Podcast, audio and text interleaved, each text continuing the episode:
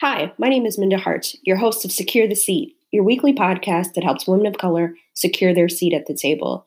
And it's not about getting your seat and kicking up your feet, it's about bringing other women of color along with you.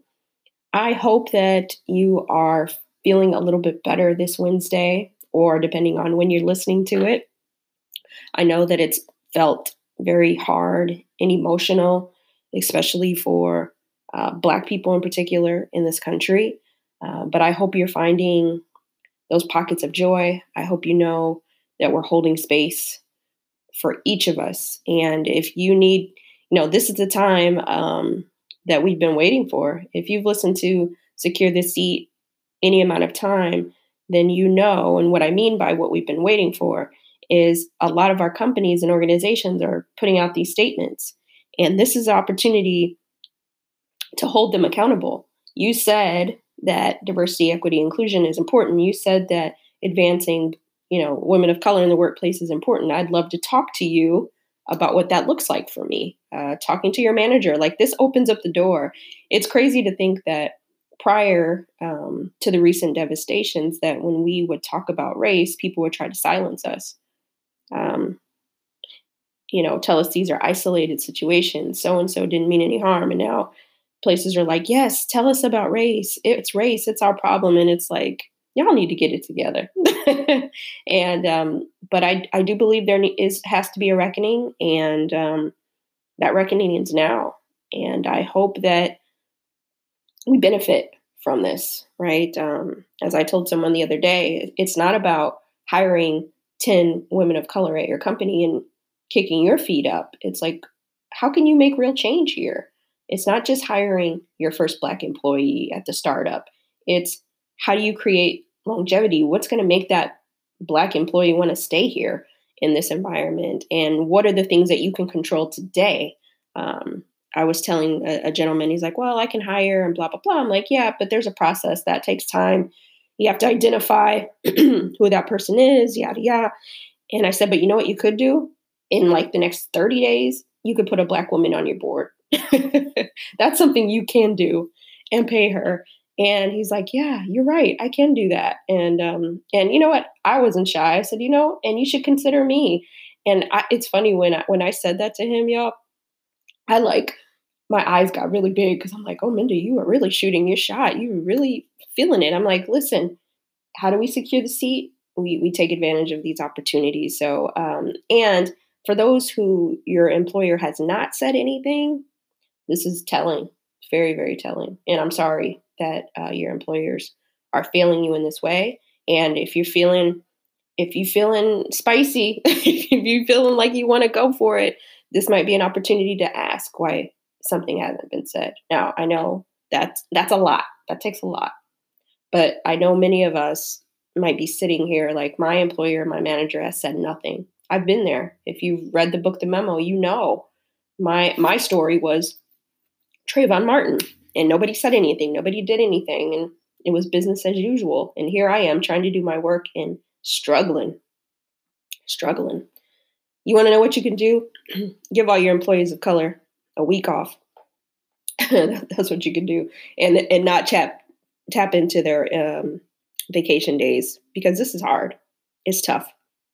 We can't grieve and educate you and do our job and take care of our families and and and and and it's paralyzing at times. And um, but I just want to know, let you know if you can try and center yourself.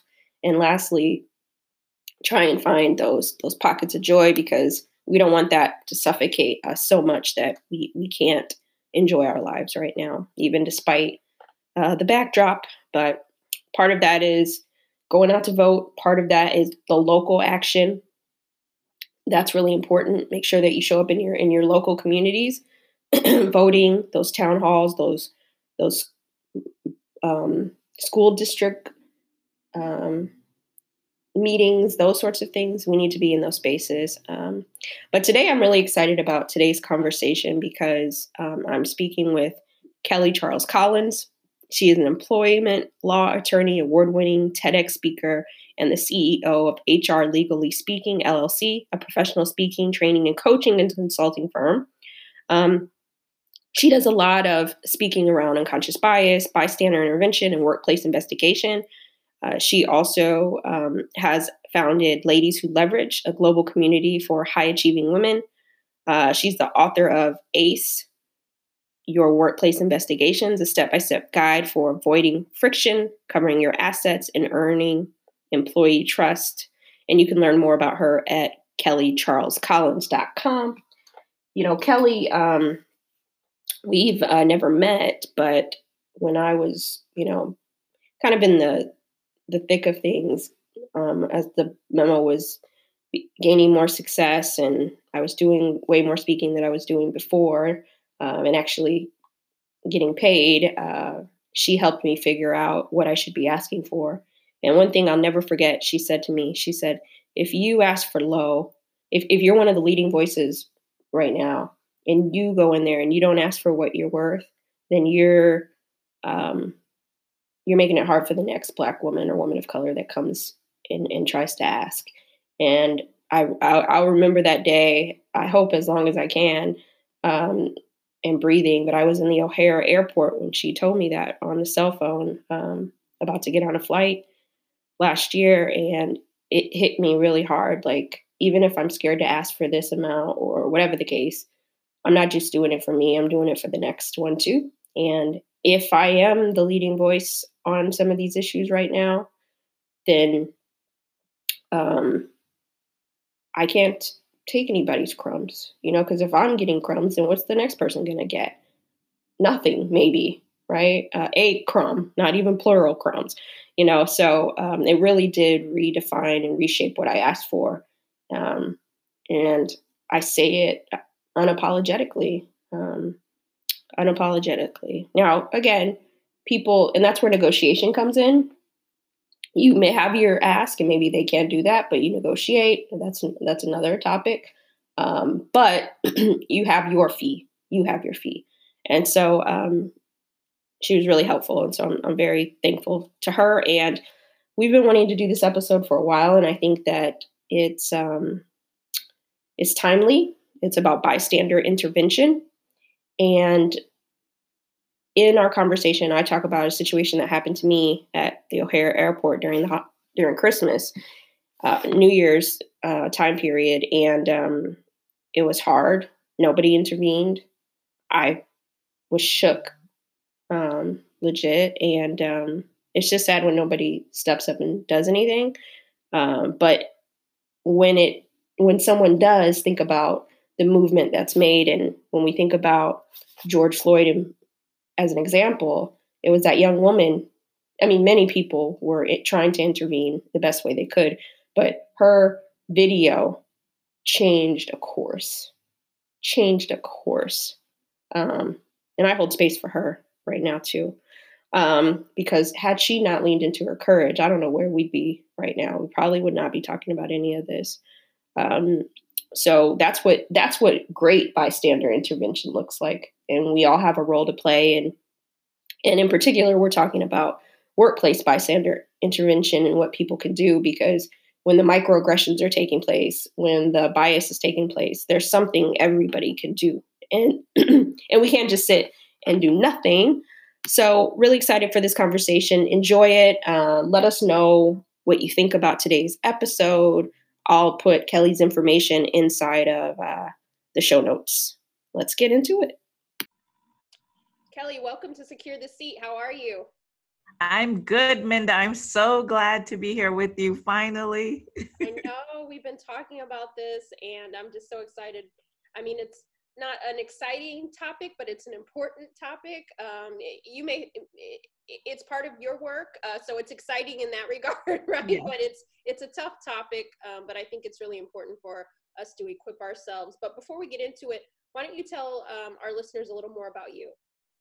I'm Kelly Charles Collins, and I keep businesses out of newsrooms and courtrooms, and I do that by empowering them to stay on the right side of the next hashtag movement I've been a lawyer for 24 years, and um, in the last several years, I've transitioned mostly to professional speaking, consulting, and training. And recently, I founded a um, global women's community called Ladies Who Leverage. And the whole focus of that is to empower women to leverage their expertise, resources, and relationships so that they can build their business, their brand, and their badassery. Love it all. Love it all, ladies. make sure, we'll, we'll make sure that we um, get everybody uh, connected so they can leverage as well. Uh, today's topic, we're going to talk about bystander intervention. And I want to ask you, Kelly, explain to us what that is so that our listeners know it. I'm sure once you talk about it, they'll wish they they'll think of those times when somebody could have intervened. Right. Right. So bystander intervention is when we see violence, we see bullying, we see discrimination, we see any type of incident, and then we take action to either de escalate the situation or disrupt it.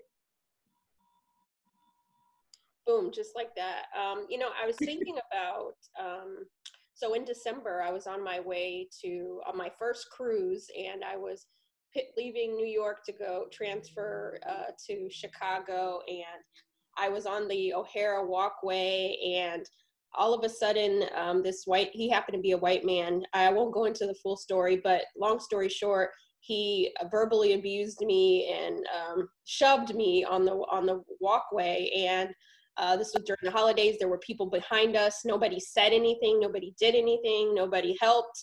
And um, it, it really had me shooken up uh, to my core. I obviously i'd been aggressed in certain ways, but never that aggressive. And I think what shocked me the most not was that this gentleman was um, aggressive, uh, but that nobody did anything. Like there were men behind us watching this, and nobody did anything. Um, and it puts me in a, a space of what are some actionable steps that people can take to activate their allyship in these really crucial moments because that was triggering. And even when I walk on walkways now, I like have to catch my breath or I won't even walk on them anymore. Yeah. And I remember when you um, posted about that incident and I was so angry. And I think the thing that people just have to do to activate their allyship is to remember that we're all human. When um, I had a conversation on Sunday with um, white women and black women, and one of the things I talked to them about is to stop putting black people in this category or like we're this Fabergé egg that's on the count, you know, on the, the shelf and you're afraid to do anything because you don't know if you're going to hurt us or you don't, don't know if you're going to make us mad. Forget all that. When when they saw what was happening to you, somebody should have number one said something, number two physically intervened, whether that was standing in between you two, pulling him off, pushing him back. Someone should have called for security. Listen, those walkways don't move too fast. They could have caught up to him. And so the thing is that because we are so otherized as a category of people, then they don't think about it. A lot of people don't think about us as, um, you know, their mother, their sister, their aunt, their cousin. Because in those situations, if it had happened to them or if it was happening to the little blonde white girl on the on the walkway oh you best believe somebody would have said something or jumped in or said you know what the hell are you doing? or dragged him off. But we're not looked at in that way. Not even our girls are looked at in that way right? And so it, it, i i was really upset when that happened because it was it's so easy. Sometimes we think that as bystanders and intervening that we have to completely save the day but there's so many things that those people could have done to disrupt the situation, to de escalate it, and also to protect you. Yeah, yeah. I, I, wish that you hit it on the head. We aren't looked at the same way, right? We aren't humanized in the same way. And I love this concept of these, you know, precious eggs that we don't know what to do with. Like, you know, something bad is happening, but something with Black people, like, I don't want to be involved. You know, I don't want to cause a stir. The stir is already right. being caused. It's even now, right? You, you, think about what's happening with um, George Floyd, and you see everyone putting on, "Oh, I want to do something, but I don't want to. I don't know what to do." And I've had these conversations with them, and and they think, you know, and I equate it because white people love their animals, right? And I and I said to them, if somebody's dog died on Facebook, you would be all over, like, I'm so sorry, even if you don't know them and you don't know their dog, you would know how to express condolences or care or how are you. I said, think about that as, and, and you know, I'm not equating black people to dogs, but I'm, I'm just thinking as a human, you realize that the black community is in distress and traumatic and you some of you have black friends some of you don't but you have black coworkers express the same type of concern hey how are you you good need anything just letting you know i'm here you know just the same type expressing the same type of humanity and that's really what bystander intervention is about it's about caring it's yeah. about giving a damn it, it's that simple, right? Yeah. I mean, it yeah. floors me right now how many people, even people I consider friends, you know, white men and women who have pinged me during this time period. What do I do? I don't know what to do. It's like, just stop. just stop. This is like, you know, the hundredth death since we've known each other. You know, what do you mean you don't know what to do? There's, uh, you know what I mean? It's like there's so many things that you know, innately, even in the workplace, and not to get off on a tangent, but people are like, well, I don't know. And, you know, I'm going to ask you this question. Mm-hmm. When, a, when a bystander, when you could be a bystander, or like in workplace, we'll say an ally, people are like, well, I don't want to cause any trouble. But it's like, what you would want somebody to do this for you, you know, again, humanizing our experience. And, and, and Kelly, I want to ask you is, we're doing right now we're in this virtual environment there's so many zoom calls i get so many messages from women of color who will say, you know, I'm being just as microaggressed or macroaggressed in these Zoom meetings as I was in the office, right? Um, so, what can people do in this virtual environment? Because that's also bystander intervention when you see somebody, you know, getting microaggressed in the chat room or, you know, virtually. Yeah. And again, it's the same thing. The the environment changes, the rules don't. So the environment changed. So now we're virtual. So now actually you could probably you're probably more up close to what's happening than when you're in the workplace because in the workplace we have our offices we have the break room we have all these different places where you're not actually you may hear about something but you may not actually see it or experience it so it's the same thing. If somebody's doing something in chat, call them out in chat, or not even call them out in chat, call them out on video because we're all sitting there, right? and say something, intervene because this whole thing about like, I don't want to cause trouble. The only person that you don't want to cause trouble for is yourself. It's not because you're thinking about other people, it's because you're thinking about yourself. And one of the questions that I always ask when I'm training is like, what would you do if? That was occurring to somebody you loved or somebody that you cared about. Or if it was happening to you, what would you want people to do? Do that. Right? If you if you were being microaggressed or harassed or outright discriminated against in a virtual environment or a physical environment, and you would want somebody to help you to do something, to say something, then why don't you do the same thing? It, it's it's this whole thing about just you you know common sense is not common right? It's this whole thing about using your common sense and just being a decent human being. Like what would you want somebody to do for you? Do that. I can't imagine that if you're being bullied or harassed or microaggressed that you just want everybody to sit back and just be like mm, sounds good to me not my business. No you'd want somebody to help you. So then you know do something you know, I mean, God forbid you're being aggressed in a in any environment, and you know, people are looking at me like, you know, I see it going down, and you know, uh, well, that's Kelly's problem. I don't want to deal with it. You know, right. it's like now is the time. I, I often say to you know women who approach me, I'm like, listen, if you couldn't do it in the office, do it in the virtual environment because you don't have to go to the break room and see. right, right.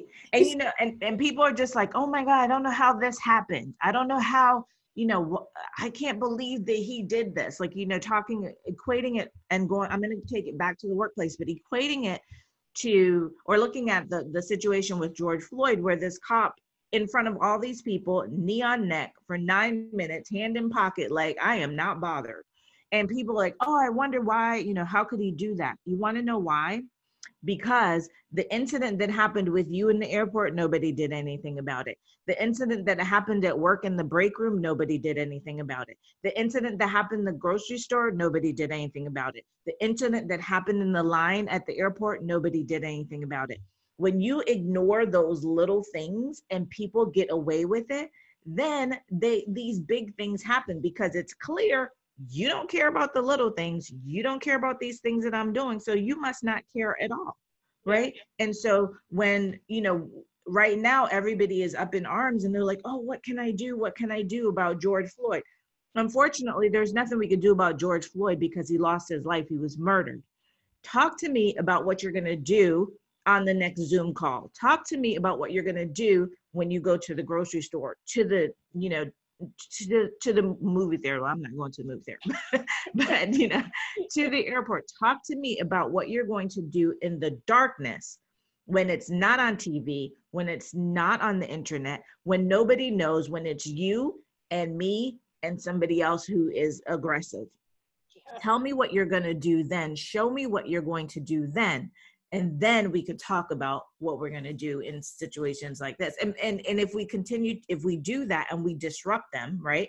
If we call out the racists if we call out the aggressors and the harassers and we show them that we're not going to take it they don't get to this point right? But our silence is power for them because and then our silence is complicity because if i don't say anything then you think i agree with it so it's the little things. We can't ignore the little things because the little things create the space for these major things to happen. Oh, that's so good. I as you were talking, I was even thinking had people have stopped the cop who did who initiated that situation a long time ago because now we've found out that he's been doing stuff similar to this to people of color um, he would have never put his hands in his pocket he yeah. would have never felt uncomfortable but nobody yeah. stopped him along the way, right? Yeah. this is where we get to, and yeah. it, it's really shameful because and I, the bystanders did what they were supposed to do, right? Yeah. So they were there, they were yelling, they were screaming, they were they were recording, they were trying to intervene, and you know. I don't blame. I wouldn't get involved. I wouldn't physically get involved in that situation and there are situations where you can't physically get involved but you can do other things. And so they did what they were supposed to do and they did as much as they could do. And thank god they stood there and recorded or else we would never know. And we would have had the story about him resisting and and that's why they you know he's dead. Yeah yeah. And that's when unfortunately it ended in a death but that's when bystander intervention actually catapulted something even different right? It created this movement to where people had were forced to see themselves in a way. So I'm I'm so happy. Right. You know, one of the things that you mentioned uh, at the beginning of our call was that you um you know you keep companies on the right side of the of the hashtag um of the next hashtag because there always will be another one. Uh. Tell us what you mean by that and what are some of the workshops uh, that you do and what do they include? Well, we know some of the the, one I guess the biggest hashtag recently is Me Too, right? And so Me Too came about because organizations um, were ignoring and continue to ignore harassment, sexual harassment, sexual assault of women. And as a 20 plus year employment lawyer, I was a public defender before that, but as a 20 plus year employment lawyer and trial attorney, what I have seen over those years is that these issues come about and it's not that businesses don't know about it, they ignore it. And because they ignore it, they result in, you know, people make filing lawsuits, they result in them ending up in court. And so the topics that i that i speak about and that my expertise is on based on my expertise is unconscious bias our unconscious bias bystander intervention and workplace investigations. I wrote a book on workplace investigations because i realized that when these issues come up so me too comes up they know that they're supposed to do something right? The companies and the hr professionals know they're supposed to do something but they don't necessarily know what to do. So I've been doing this for over 20 years. I'm an expert in, in doing workplace investigations. And when I get the case from you, or when the case comes to my ta- my desk, I'm like, I expect that you have done that investigation to the level that I would as an attorney. but how how can i have those expectations when you were never trained it's a skill and so that's why i wrote the book that's why i created an online course related to workplace investigations. And it's the same thing with unconscious bias and bystander intervention. Sometimes I say bystander effect or bystander intervention. People are like, well, what is that? And then when I explain it to them, they're like, oh, okay. And so all of those things for me, all of those topics go together because it's about raising awareness. It's about people accepting that we have biases, that we're ignoring stuff. It's about the acceptance. It's about having a, um, being concerned about the impact it's having in the business and on other people having a willingness to change and then actually taking action to change. And all of those things um, that i speak about are have come out of my experience in these 20 years in dealing with you know title 7 cases discrimination harassment retaliation. And so i train on these things. And um, as i was mentioning to you earlier what this has shown me in covid and, and all of this stuff is that I can train on those things. I can do a PowerPoint presentation, or we can have conversations because I think it's in the experience of understanding the common sense, everyday things that people really internalize what these issues mean and what their role is. And so figuring out how to to do that with conversations and town halls and fireside chats because I think when you enroll people in these conversations and they can put themselves there, then it makes more sense to them. Yep, absolutely. I've been thinking a lot about that in terms of just like the work from the memo, like creating space. So, okay, but what does it look like when you actually have to have an empire state of mind, right? It's right. good on paper, but what does that look like in, in practice? Um, yeah one of the things that you talk about are the four C's. Can you give us just a little Sam's Club sample of what that is? Sure. so I call it the four C's for safe bystander intervention. The first C is to connect. So that's what the bystanders were doing at, um, you know, when they saw what was happening with George Floyd, when they were yelling and they were screaming. And part of that was to stop the police. So connecting with them to let them know I see you, but also to let George Floyd know that he was seen. And so, as you know, it's a tragic horrible thing that happened to him. But one of the things that gives me solace is that he didn't die alone, that he knew that people cared about him and that and what was happening to him. And they didn't just leave him there to die. And so part of that is connecting. The other thing is connecting with bystanders, which is what they did. They connected with other bystanders to enroll them in trying to intervene and to try to de escalate the situation. The second C is to create a disruption. And that disruption could be anything. It could be saying stop. It could be standing in between the two people or however many people that's going on. It could be physically intervening, like pulling people apart, right? And you have to be careful about that. Like in this situation, they could never have done that. We would have had more than one death. Uh, the third is to call for help. I don't know who they were going to call this time, but um, you know call for help it, and and that could be in the workplace that could be anywhere. Um, just call for people. If you don't think that you can handle the situation call for the people who can.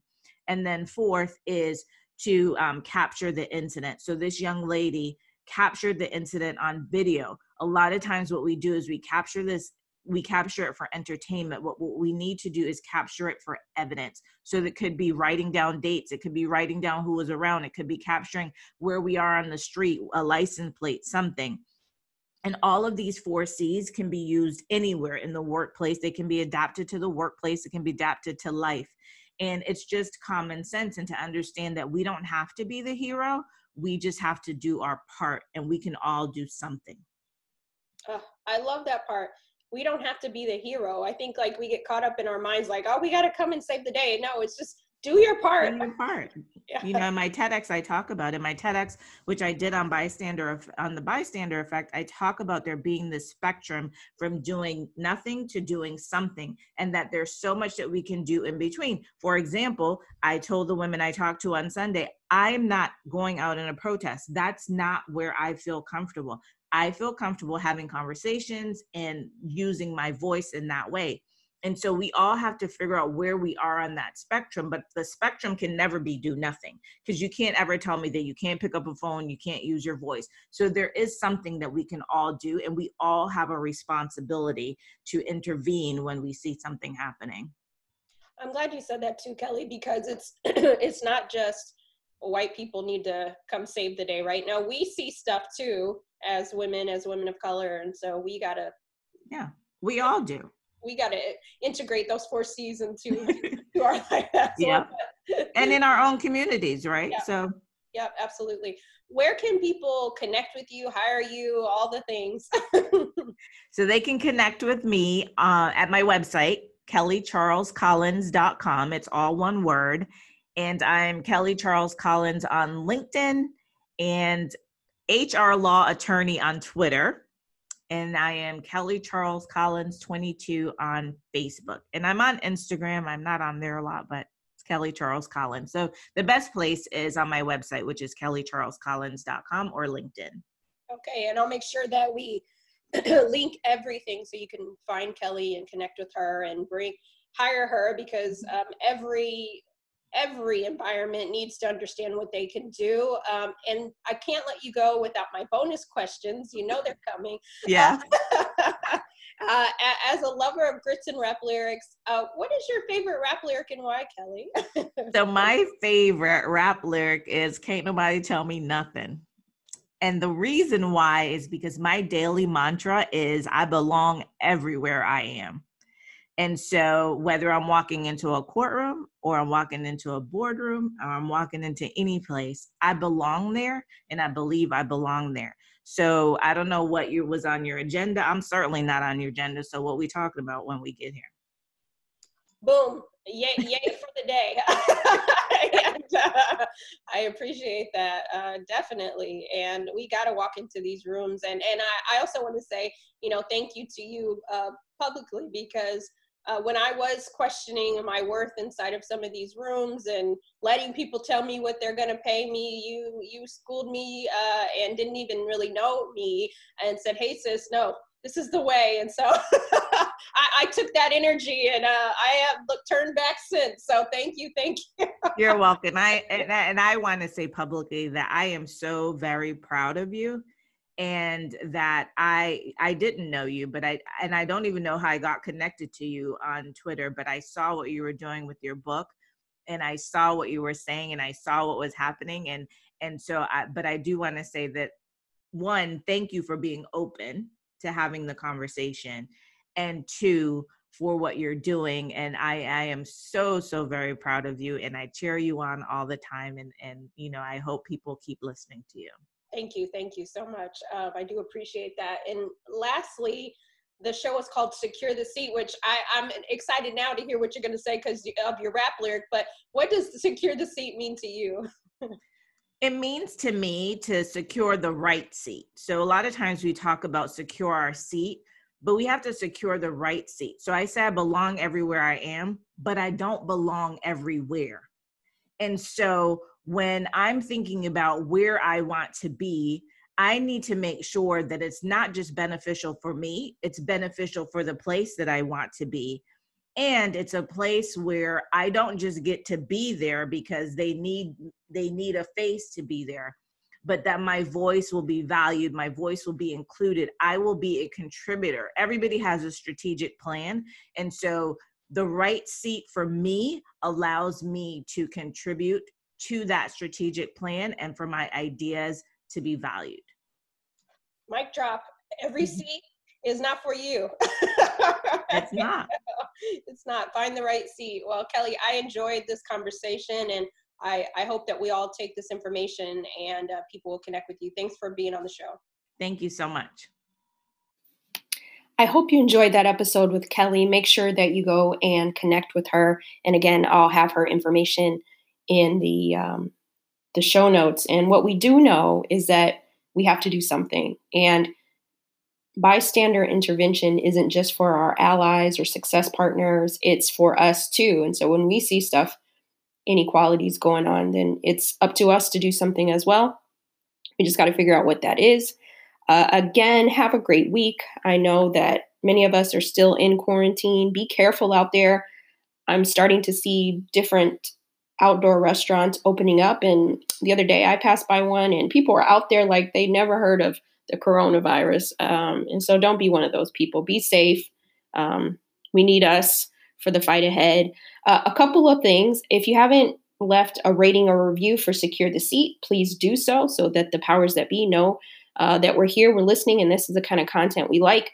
Um, also, on Thursdays on my Instagram, I host uh, a virtual book club on IG Live at 4 p.m. Eastern Standard Time at Minda Harts on uh, Instagram. And then on Monday, I am starting a new show, Secure the Seat Live, on my LinkedIn page. So, LinkedIn Live, I'm going in, I'm going to be interviewing Black executives, both men and women, and their allies. So, we have about two to three more episodes left in the podcast version of Secure the Seat. Uh, but Monday, I'm going to start transitioning into the Secure the Seat Live, where this is going to be uh, video content. So I'm really excited about that. So follow me on LinkedIn, Minda Harts. Uh, just follow me there. Um, and then you can watch the show on Mondays at noon. So come have lunch with me. I'm really excited uh about it. It's just a, a, short show, short and sweet, uh, but we're going to talk about what it looks like as a leader during this time period and how we move forward with the so called future of work. So it's super stoked about that. Thinking of you, holding space for you. Find me on the internet at Minda Harts, most active on Twitter. Again, I appreciate you, my squad members, for for all the support. And so um, keep securing your seat.